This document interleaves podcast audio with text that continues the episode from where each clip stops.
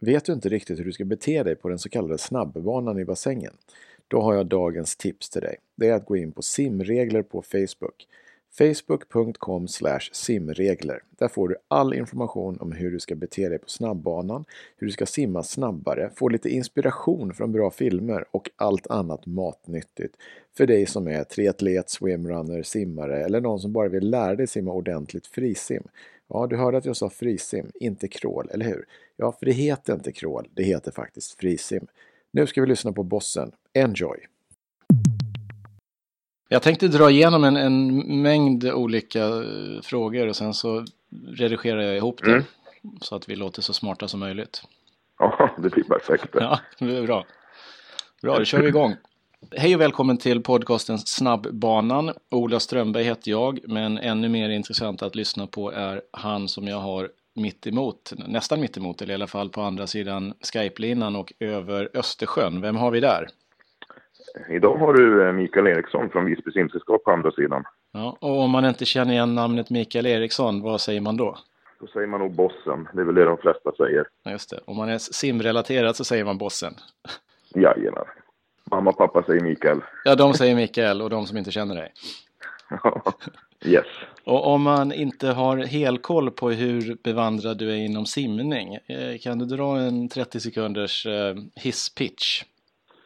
Det kan jag göra. Min bana startade i Enköping som tränare där 86. Så var jag tränare där fram till typ 94 eh, kanske. Då tog jag ett litet uppehåll så fick lite sån här generationsskiftning. Sen tog det en månad så var jag tränare i Uppsala simsällskap. Peter Asp ville ha en hjälptränare. Den skulle till Eskilstuna när det fattades en person. Så var jag med den helgen och sen på måndagen då var jag hjälptränare i elitgruppen där. Eh, så det gick ganska fort. Eh, sen var jag i Uppsala fram till 2013 och hade alla möjliga olika grupper därifrån B-gruppen uppåt. Slutade med att ha elitgruppen under x antal år. Där jag tränade väl framförallt våra bästa simmare idag med Jenny Johansson och Emma Svensson på topp. Sen 2013 så sadlade jag om, kände att jag ville ha en liten ny utmaning så blev jag tränare i Visby simsällskap. Så ifrån, går jag då ifrån jättestort till ganska litet. Det har ju varit intressant. Och även varit landslagstränare under en mängd år kan vi lägga till. Ja, det har jag varit eh, ja, i princip sedan 2004 ungefär. På olika konstellationer, alltifrån ungdomslandslag till seniorlandslag. Så det har jag varit. Går med på lite mästerskap och sånt. Ja. Om man börjar i den änden lite, den här internationella delen. Du som har varit ute en hel del och tittat på tävlingar och, och sett träningsläger och allt möjligt. Hur står sig Sverige jämfört med andra länder, tycker du? Det är lite olika inom, inom olika områden. Eh, det är det. I grund och botten så har vi en bra organisation i Sverige Eh, som man kan luta sig tillbaka på den kring landslaget idag med olika resurspersoner och sånt. Det har vi definitivt. Eh, sen finns det vissa andra bitar som man ser att andra länder kanske har kommit mycket längre med. Det gäller liksom sådana här generellt sett uppvärmningar, stretchingövningar och sånt. När man ser att de jobbar helt annorlunda än vad vi gör med de bitarna då. Sen är det ju, alltså många gånger så har inte vi så stora trupper med oss. Utan eh, det är väl också en stor skillnad att vi kan jobba närmare simmarna. Kanske vad man kan i många andra länder. Men samtidigt så har de med sig flera ledare också i de andra länderna så det, det är lite skillnad. Men jag tror att eh, Alltså om man, om man kollar på någon sån här äh, procentsiffra när det gäller kvalitet och sånt så tror jag vi ligger väldigt högt upp ändå när vi är iväg alltså. Det tror jag. Mm. Definitivt. Och just den här delen som du nämnde då med stretch och uppvärmning. Eh, jag själv som nu då har en simbakgrund för väldigt många år sedan. Stretch och uppvärmning var någonting som man inte gjorde. Eh, utan man låg i alla fall i, i, min värld som gnet så låg man ner och räknade så många kakelplattor som möjligt. Det känns ändå som att det har skett stora förändringar avseende landträning för alla simmare. Men tycker du fortfarande att Sverige är efter andra länder där och i så fall hur? Ja, jag tycker fortfarande vi är efter andra länder. Jag håller med dig självklart om att det har varit en väldigt stor utveckling både genom alla liksom landslag, det är det. Men jag tror liksom att man gör det man gör i landslaget. Liksom, man härmar det man gör hemma. Va? Gör man inte det ute i klubbarna så kommer man aldrig göra det riktigt klokt som person uppe i landslagen heller. För det där är liksom, även om man gör saker individuellt eh, så, så gör man ju många gånger saker i grupper i landslagen. Det gör inte vi i Sverige på samma sätt. Då. Kolla på Japan om man sitter och värmer upp samtidigt liksom allihopa. Och det tycker jag en positiv bit med deras landslag. Samtidigt jobbar vi mycket med att få upp kunskapen, eh, framförallt via riks och regionslägena. Där vi har rörelseskrivningar och sånt här som jag satt igång med.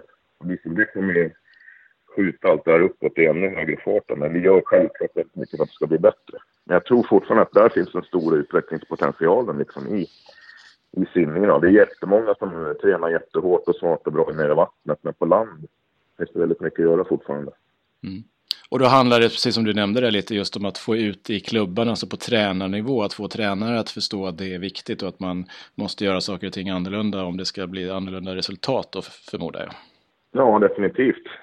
Och många gånger så tror jag liksom att mycket av den här eh, baskunskapen för att, liksom, att vi ska klara oss finns. Liksom. Sen gäller det bara att vara envis nog som tränare och se till att alla gör det här. Alltså, det är det många gånger som vi slarvar. Tror jag. Vi, man orkar inte sätta emot tror jag, fullt ut alla gånger. Vi vet vad som ska göras, sen så gäller det att se till att det görs också. Framförallt simmarna förstå att man gör de här bitarna för sin egen skull alltså.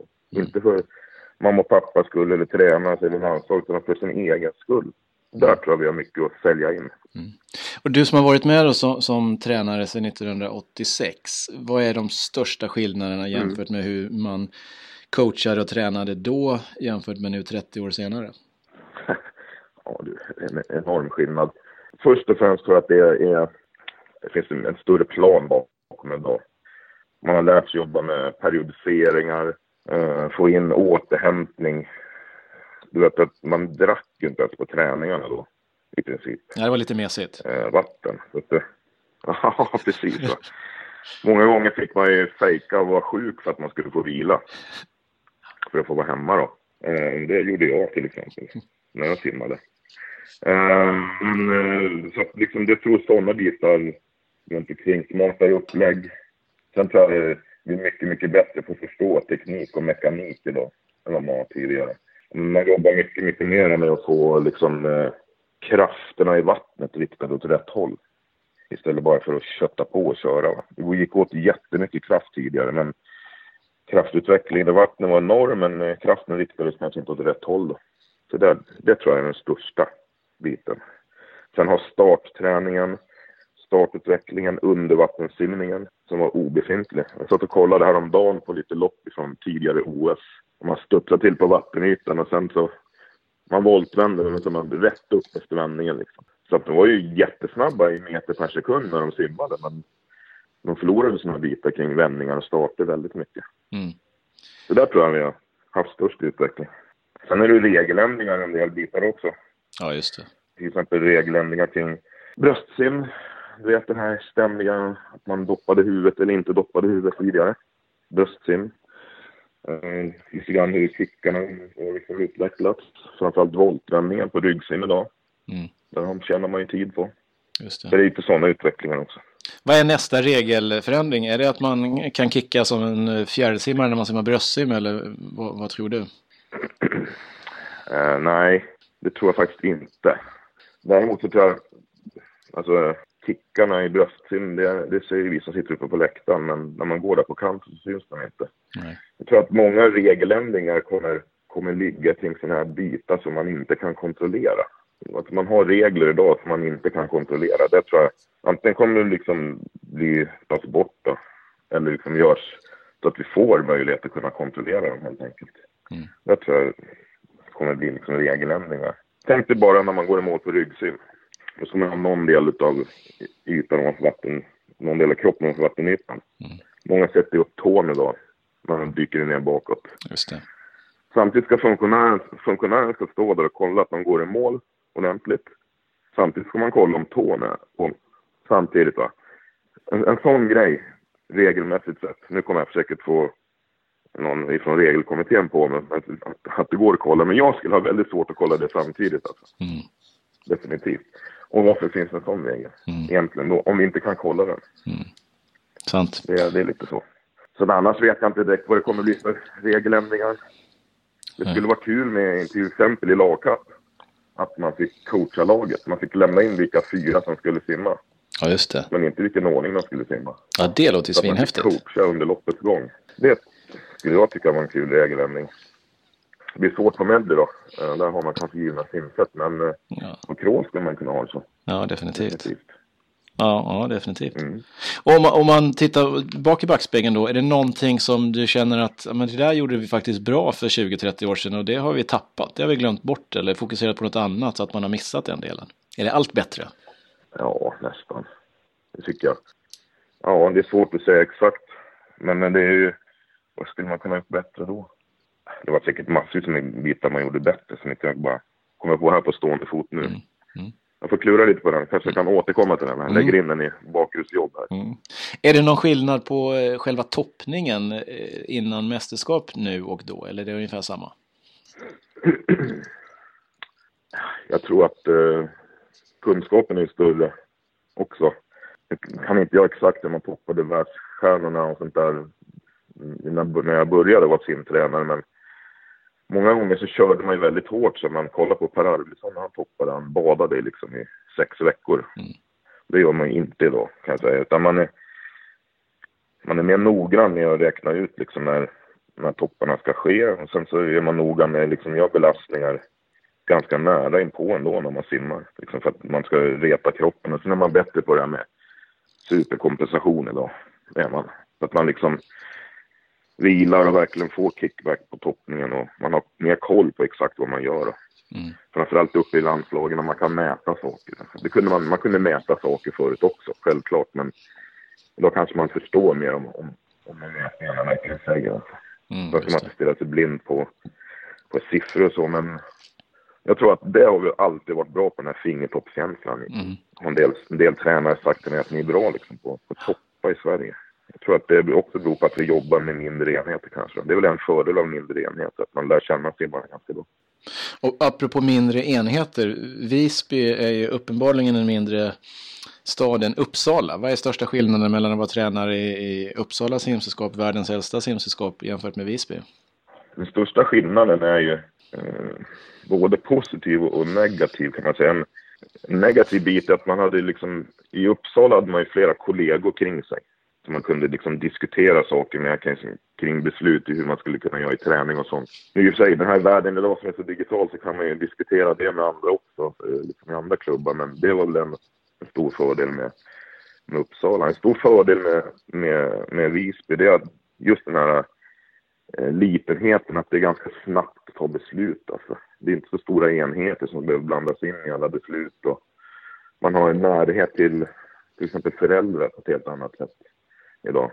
Jämför man med Fyrisholm, man fick betala inträde för att komma in och kolla på sina egna barn, så är det liksom sju meter idag från dörren in i simhallen. I, och alla är välkomna in på läktaren liksom. Med i och för sig för och nackdelar kring det med, men vi har en ganska bra föräld föräldrakultur. Mm. Vi har inte haft några problem med några konstiga föräldrar så, men det kan man ju självklart ha. Mm. Visst, men jag tror att det är en större fördel med att ha dem med än att inte ha dem med. Mm. Om de då... De, de ser hur det funkar och får en förståelse för vad som händer och är engagerade. Ja, definitivt. Och sen är det lättare när, när man träffar människor och får liksom positioner i andra funktioner till liksom styrelser, kommittéer och fixar föräldrar och allt möjligt. När man liksom lär känna folk på ett helt annat sätt. Det, då är det mycket lättare. Mm. Tänk då om man ska få någonting gjort, då är det mycket lättare att, att veta vem det är liksom. Istället för att man ska mejla folk eller ringa folk som man inte har en aning om vilka det är. Mm. Det är lättare saker att ni får gjort på kanten. Ja, det är sant. Och vad är ambitionsnivån för Visby simsällskap? Om ni, vad har ni för målsättningar? Är det antal barn som håller på i simskola? Är det antal kvalare till SM? Eller vad har ni för några sådana visions eller målsättningar? Just nu har vi någonting, vi jobbar med någonting som vi kallar för KUL. Och det är liksom kamratskap, utveckling och lust. Um, har vi väl som liksom ledord i alla, alla leden. Så vi växer hela, hela tiden nu. De här tre senaste åren har vi växt jättemycket. Så vi brottas ju med angenäma problem liksom. Uh, allt ifrån att få plats med plask och lekgrupp i simskola till att få mer tid till elitgruppen. Så att uh, vi har väl kanske inte direkt något så här att vi ska öka, öka antal medlemmar eller sådana här bitar. Men vi jobbar väldigt mycket med att få öka kvaliteten på liksom alla områden där vi, där vi är. Liksom. Mm. Få saker och ting att ledas bättre till exempel. Få mer kunskap om vad vi bör göra. Vi håller på att jobba med att anpassa oss eh, lite grann efter simlinjen då, i mm. projekt. Där vi bygger, utgår från svensk simlinje och sen får man ju då anpassa den, vilket man behöver göra i alla klubbar, in till det som funkar i sin egen klubb. Det jobbar vi ganska mycket med. Så att eh, det jobbar ganska brett än så länge, det gör vi. Som jag själv också eh, som anställd så har man ju en viss begränsad tid man kan lägga på allting. Man kan inte vara inblandad allt, även om det känns som man är det ibland. Men, eh, så det är lite någon sån här resurs. Jobbar med, försöker få mer resurser, liksom, personella resurser i form av vara hjälpledare och sånt. Så att det, vi kan bli flera på varje nivå liksom. Mm.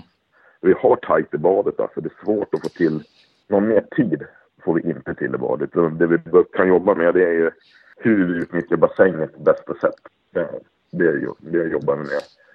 Man kanske i vissa grupper inte behöver simma på 25 meter utan man kan simma liksom tvärs över bassängen istället och, och få samma, samma resultat. Va?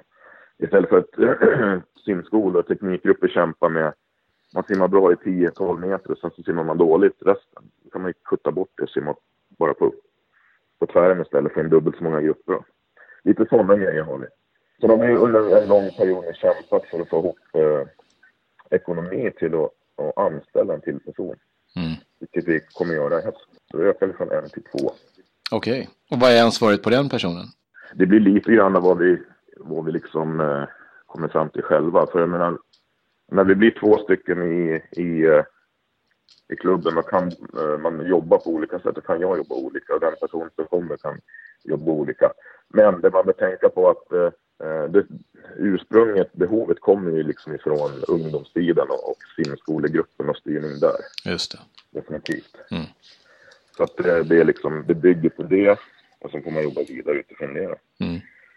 Mm. Men det innebär också att det kommer bli mer till över. Vi kanske kan ha en dag när vi kan uh, sitta inne på ett kansli och ha telefontid liksom och sådana här bitar på riktigt då. Istället för att man jobbar med det dygnet runt. Så det, det kan man, Sen är det mycket upp till oss själva liksom att, att bygga. Vi gör en liten paus för ett konsumentmeddelande. Vill du simma i lika snygga och snabba simkläder som Simon Sjödin och Lisa Nordén? Då ska du simma i Tyr, för det gör nämligen de. Gå in på tyrsverige.se och använd koden Friends of Ola så får du 15% rabatt. Och det tycker man ju om. Och man tycker också om Tyr. Snyggast och snabbast. Nu återvänder vi till bossen. Och hur ser du på det här att, att som då är en lite mindre klubb nu att det är så pass många av de stora klubbarna som är så dominerande. Om man tittar på Neptun och Helsingborg och kanske Jönköping som nu senaste året har nästan kammat rent på alla olika sorters nivåer. Om det är SumSim och JSM och SM. Mm. Vad, vad, är, vad är risken med mm. det om någonting eller är det bara positivt? Nej, det är väl inte bara positivt. Mycket är positivt också i och med att man samlar kunskap och resurser kring, kring vissa ställen där det finns bra möjligheter att träna. Framförallt kanske kunna träna på långbanan också. Nu kan man inte det i Helsingborg men de har en väldigt bra anläggning ändå, Helsingborg, och, och bra tränarskap så. Uh, samtidigt kanske man tappar lite grann av uh, mångfalden, liksom, om du förstår vad jag menar. Mm. Det kan bli lite uh, Jönköping-fierat och Helsingborg-fierat liksom och, och sådär. Så, och det, det är väl en nackdel då. Samtidigt så är de öppna också för influenser utifrån och, och så. Nu har jag en simmare själv som har kommit in på uh, nya riksgymnasiet i Helsingborg här. Okej. Okay. Så att, uh, hittills så har det sett väldigt positivt ut de bitarna de kommer jobba med där. Mm. Så att jag tror att det är väl mer av goda än av onda i alla fall. Samtidigt så måste vi i Sverige jobba för att få, liksom, inte tappa upptagningsområden alltså. Ser vi bara här på ön där vi har gått ifrån egentligen tre simklubbar till en simklubb. Mm. Det finns alla simklubbarna kvar men det väl si och så med verksamheten. En har ingen alls och en har någon simskola. Sen är det vi som har resten. Mm. Men ön är ganska stor så vi, vi skulle också må bra här på ön att de andra klubbarna fanns. Uh, så att många klubbar har ju, har, ju, har ju dött ut på vägen. Det är likadant i Uppland som det jag känner till. Det är säkert likadant i många andra gamla distrikt. Jag menar det, i Uppland fanns liksom Heby och Gim och Österby och massvis med andra klubbar tidigare. Mm. De finns kvar men det kanske inte är samma tryck och de kanske inte producerar samma talanger längre. Nej. Varför är det så tror du? Ja, det här med eldsjälar vet du. Det håller ju på, eldsjälen håller på, på att dö ut liksom.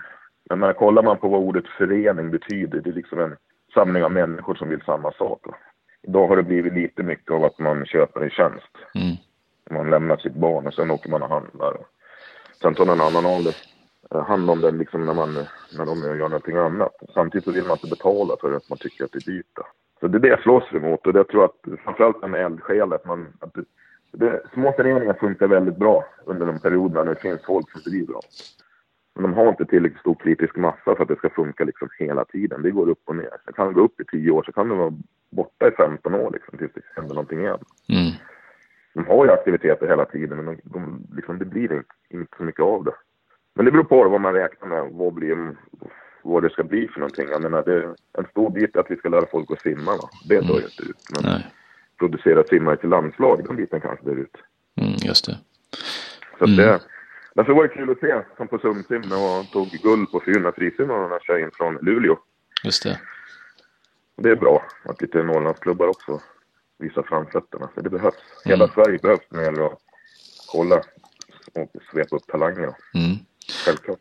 Eh, svepa upp talanger. Uppsala svepte upp en talang, Jenny Johansson. Eh, Mm. Vad var det som hände med henne? Du har ju stenkoll på det. Hur kunde hon bli så bra för hon har varit sådär, om man är ärlig? Hon hade tagit medaljer på JSM innan hon dött Mm. till Uppsala. Då. Hon kommer ju från Hedmora. Då. Mm. Har haft legendaren Evert Sandberg som tränare från grund och botten. Han var över 80 då på slutet av sin karriär. Då gick hon ifrån, för hon, insåg väl då att hon liksom valde att satsa på simning då när hon tog den här medaljen i ESM. Sen började hon på NIUT som var i Uppsala eh, och började träna jätte, jätte, jättemycket. Från fyra gånger i veckan till 10-12 gånger i veckan. Hon blev väldigt, eh, hon tränade bra i periodvis liksom. Två, tre veckor så blev hon sjuk lika länge. Två, tre veckor. Så hon klarade inte riktigt med övergången Mm. i träning. Eh, så att eh, när jag fick henne då, när ansvaret blev mitt över henne helt och hållet, då satte vi oss ner igen och jag liksom och sa att eh, ja, det här som vi har gjort hittills, det, det vet vi resultatet av. Det är inte det vi vill och då måste vi ändra på någonting. Våga ändra på någonting. Och då liksom, det var väl ingen Eureka-grej vi gjorde, men vi kom fram till att om vi drar ner på träningen lite grann, jag hade tesen att om vi skulle dra ner på träningen och samtidigt bli friskare och kunna träna istället hela tiden. Och det här var väl någon gång under 2009 vi gjorde det här. Och det var då lyftet kom liksom. För den här braja simningen och attacken i simningen och grundtekniken och sånt, det hade hon ju redan. Men hon orkade liksom inte. För att hon var så mycket sjuk då. Och det var det vi ändrade på. Gjorde en, en plan i veckan som funkade med hennes eh, jobb då hon hade sådana här lite grejer. Och sen så såg vi helt plötsligt att hon blev mycket, mycket friskare. Och sen har det bara smällt på liksom. Det var det vi gjorde. Det var ingen hokus pokus att vi ville om någon liksom träning och såna här grejer. Utan vi minskade på antalet gånger hon tränade. Försökte träna lite smartare helt enkelt. Mm. Planerade hennes vecka. Det gjorde vi. Och eh, det har jag gjort med alla simmare sedan dess då ordentligt och försöka ha det som te för att man ska orka med sin vecka. I och med att man ska hålla x antal år framåt. Så det är det vi gjorde egentligen. För det kan man ju många gånger höra så här, småbarn och lite ungdomar säger så varför går det inte bra på den här tävlingen? Jag har ju tränat bra i tre veckor. Ja, Mm. tre veckor. Mm. Jag måste träna bra i tre år här. va. Mm. Ser man också på de äh, idrotterna i många olika idrotter som säger varför har det gått bra? Nej, men jag har varit frisk i två år nu. Många som säger det, jag har kunnat träna bra, varit skadefri i två år. Framförallt i simningen där vi har det här motståndet i vattnet som vi måste orka. Liksom, det tror jag är jätte, jätteviktigt. Kontinuiteten i simningen. Definitivt.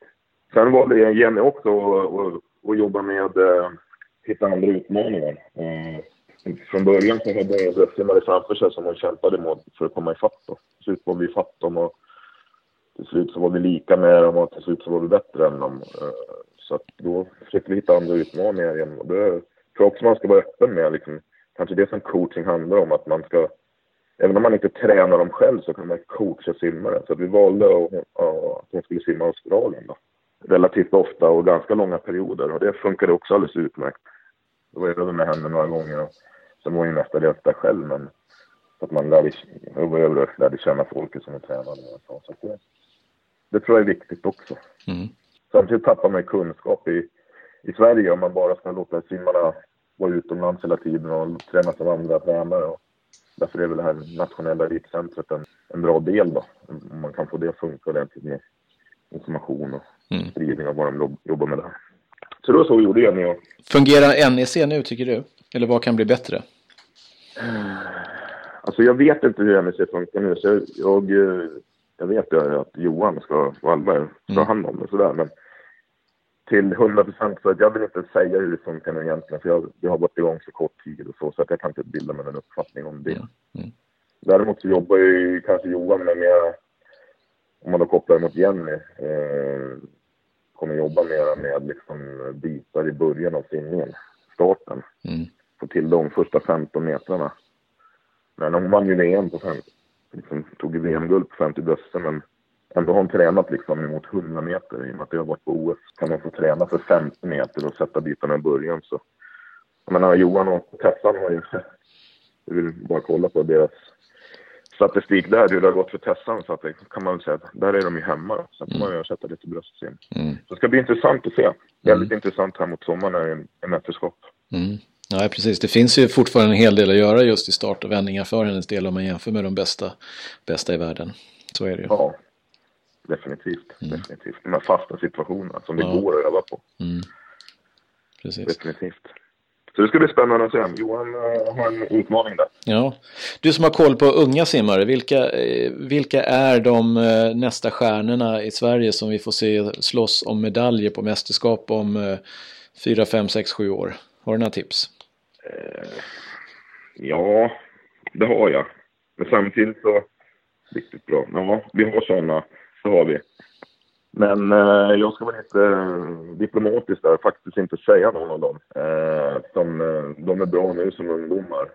Och de har mycket att jobba med i framtiden. Så att att droppa några namn, det, det tänker jag inte göra. Med respekt av dem själva. Så man vet aldrig vart det tar vägen. Men jag kan säga att killsidan ser lite bättre ut än tjejsidan tycker jag. Så långt kan jag väl sträcka mig. Men det finns, det finns folk i yngre ålder. Varför är det så? Är det för att vi är ett litet land och det bara liksom happen to be att nu kom det några killar med bra gener och bra träningsförutsättningar och så blir de bättre? Eller är det någon specifik satsning som har gjort att killarna ser lite hetare ut just nu än tjejerna? Nej, jag tror bara en slump. Vi jobbar inte specifikt mot tjejer eller specifikt mot killar. Det har varit ganska könsneutralt eh, när det gäller satsningar och sånt. Så att jag tror det är mer en, en, en stor slump. Det är det. Ja. Definitivt. Samtidigt har vi haft väldigt mycket framgång på tjejsidan internationellt sett. Sen har killarna börjat komma ifatt och nu, nu tycker jag det ser bättre ut på killsidan. Det, det tycker jag. Tjejerna får visa att de har fel. Du någon förebild vad gäller coach, tränare, någon svensk eller utländsk? Som du tycker den här killen eller tjejen är ruskigt intressanta? Jag har imponerats av eh, en del australiensiska tränare. Shannon Rollerson till exempel. Mm. Tycker jag har varit, han är inte så gammal, för han är, ungefär, han är till och med yngre än mig, men han har fortfarande varit en förebild hur han har jobbat med individen. Och liksom tagit fram det de verkligen är bra på. Så det är väl han som jag kan, kan tycka då. Sen försöker man ju snappa lite grann här och där och så, men nej, annars har jag inte haft någon sån här riktigt bra förebild utomlands. Sånt. Mm. Försöker vara öppen och ha en diskussion med ganska många, så får man liksom välja det själv hur, hur man ska använda det. Men ingen sån här riktig halleluja-grej, det har jag inte haft. Har du någon favoritserie som du gärna slänger upp på whiteboarden för dina simmare? Eh, Ja, det har jag. Eh, Det blir, jag jobbar ganska basic alltså när det gäller, när det gäller serier. Men jag gillar så här återkommande serier som man kan liksom kontrollera lite grann eh, om, om hur det går. Så att jag kan väl dra lite grann vår testvecka vi har. Mm. Som bygger, den är ganska standardiserad så. Eh, när vi gör på måndagen eller tisdagen beroende på bassängutrymmet så jobbar vi ganska mycket med eh, sån eh, precis under mjölksyra. Man ligger på fart 3. Vi simmar ju, det är lite blandat mellan 30 och 60 hundringar fart 3. Eh, för att få liksom träna de bitarna ordentligt. Och det, då har vi allt, starttid alltifrån 1.15 till 1.45 lite beroende på hur gamla simmarna är. Alla simmar inte 60 hundringar, självklart inte, men de yngsta simmar 30 i alla fall. Sen för att eh, lasta av lite grann så simmar de de 10 sista med fenor, då, sammansatt med fenor Mm. släpper man, slipper det här sista trycket på axlarna. Men gör vi relativt ofta, vi gör väl en var fjärde vecka ungefär, de här testveckorna. Sen på tisdagen typ, eh, simmar vi igenom ett ganska lugnt par två pass på 4 till 6 tusen. Onsdagen simmar vi 6,75 och max. En pall. Då kan antingen simma alla sex special eller simmar man tre spes, tre crawl. Startar vi nio minuter på dem. Uh, sen på torsdagen brukar vi simma 36-75 år. Fart 4. Då brukar vi simma man kan bygga lite olika. Eh, antingen simmar man eh, 10 fart 4 på fyra bad. Eller så någon annan variant. Men det är uppdelat med sjok där man jobbar och, och med bad emellan. Så att alla 36 är inte fart 4. Men säg att man tar två, åtta stycken av de där 36 är, är bara bad. Och sen på fredagen eh, så jobbar vi med, jobbar vi med eh, ett teknikpass. Då.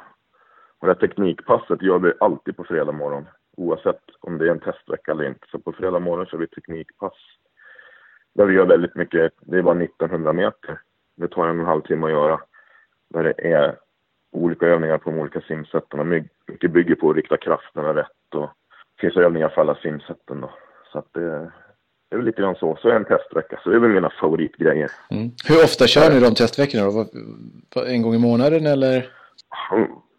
Ja, var fjärde, var femte vecka någonstans beroende på hur periodiseringen ligger. Då. Det gör det. Då har man lite värden från alla år då, och liksom tolka. Nu när man byter simmare får man kan inte tolka med några gamla värden men efter ett tag så börjar man få lite värden man kan gå på. Så kan man se lite grann hur man ligger till i träning och sånt. Just det. Vad man behöver ändra på, om någon är sliten eller lite sådana grejer. Nu jobbar vi inte så mycket med laktatmätningar men jag jobbar lite grann mer med sockermätningar på dem faktiskt. Med vanlig diabetesmätare. Okej. Okay. Så att de inte ligger lågt på energin. Och även så att de inte ligger för högt och så att man är, kanske är stressad i kroppen. Okej. Okay. Så att jag har tagit det, det som jag tycker funkar bäst. Det funkar laktatprover också bra men just eh, sockermätningar på simmare kan man få en över, direkt bild över hur de hur de mår kanske. Ja, ja, ja. Så att man inte ligger för lågt på morgonen och sådana här bitar. Just det. Så Magnus Kjellberg, han gjorde alltid sockermätningar och laktatmätningar samtidigt. Okej. Okay. Sockermätningar, man kan göra dem där var för sig också. Så mm. jag valt att jobba vidare med lite grann på sockermätningar. Ja, spännande. Spännande. Vad har du för, mm. för, för, tips för en 15-åring som håller på och simmar och precis har kvalat in till SumSim och funderar på att satsa på simning och vill bli så bra som möjligt? Vad är viktigast som man ska göra och inte göra? det viktigaste du ska göra är att fortsätta se till att du har roligt när du tränar. Försöka hitta glädje i det man gör. Det tror jag i grund och botten är det absolut viktigaste. Och sen om man precis som 15-åring har blivit bra så tycker jag att man ska ta sig tid och verkligen jobba med undervattenssimning som jag tror att man kan utveckla väldigt mycket när man är 15 år.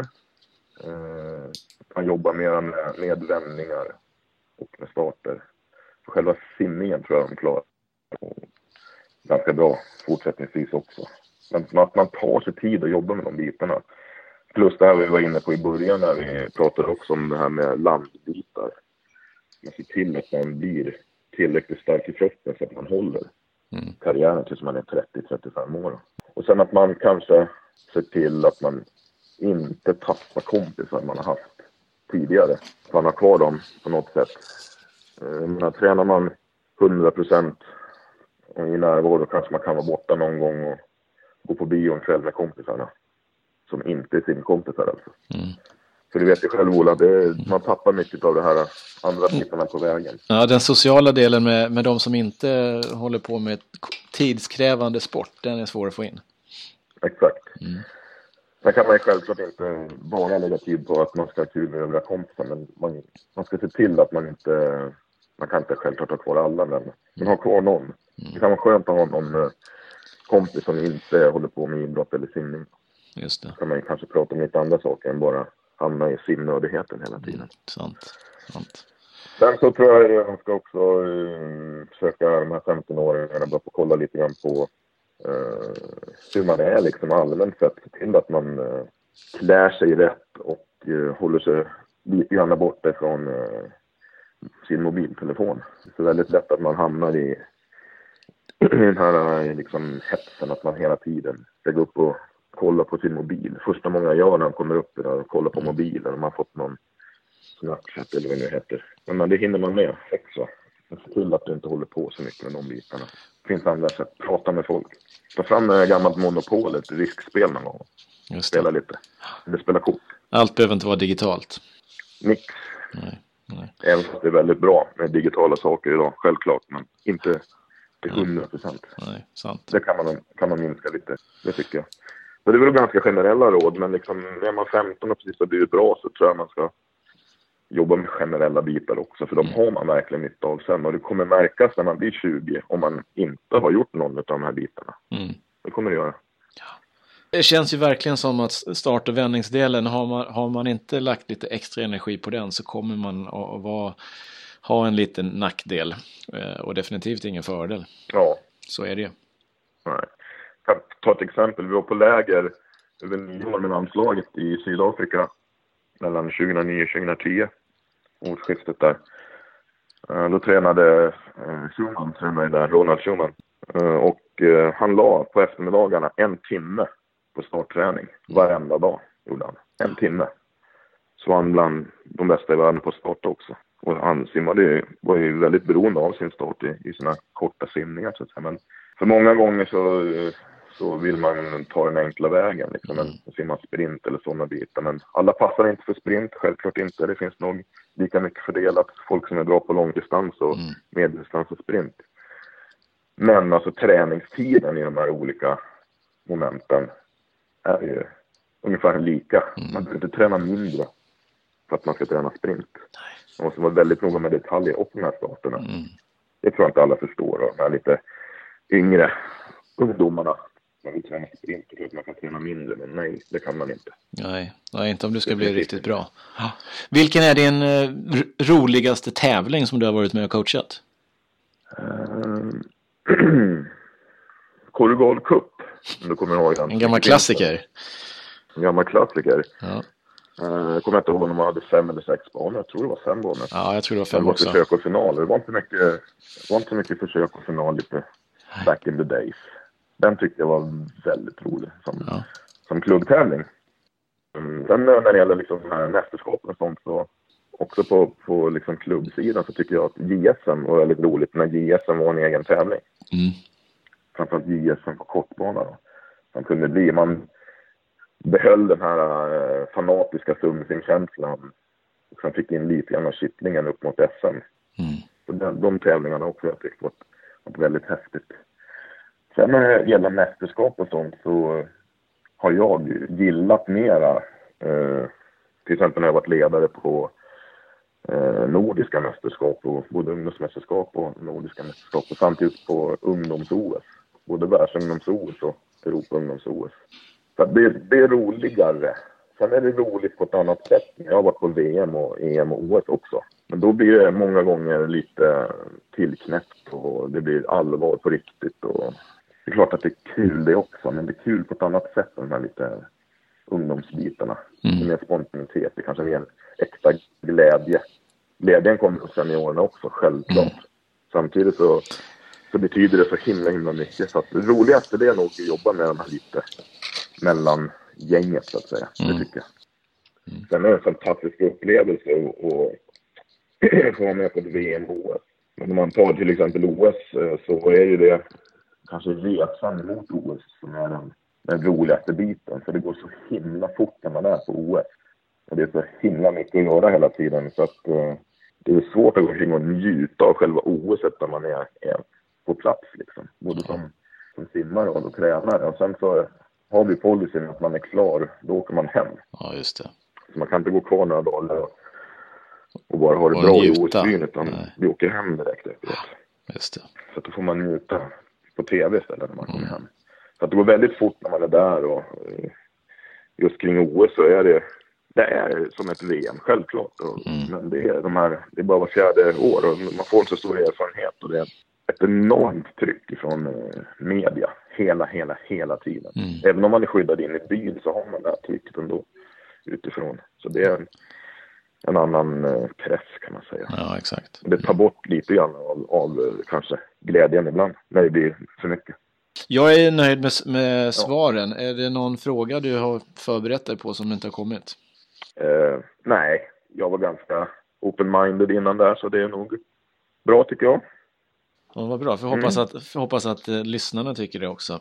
Ja, det får vi hoppas. De är ju välkomna att uh, ja, höra av sig. Om de vill höra av sig, vad, vad söker de då? Googlar de ditt namn eller mejlar de? De kan mejla mig mikael.eriksson.visbysim.se. Det är det lättaste. Ja, men perfekt. Tack så jättemycket. Mm. Tack själv, Ola.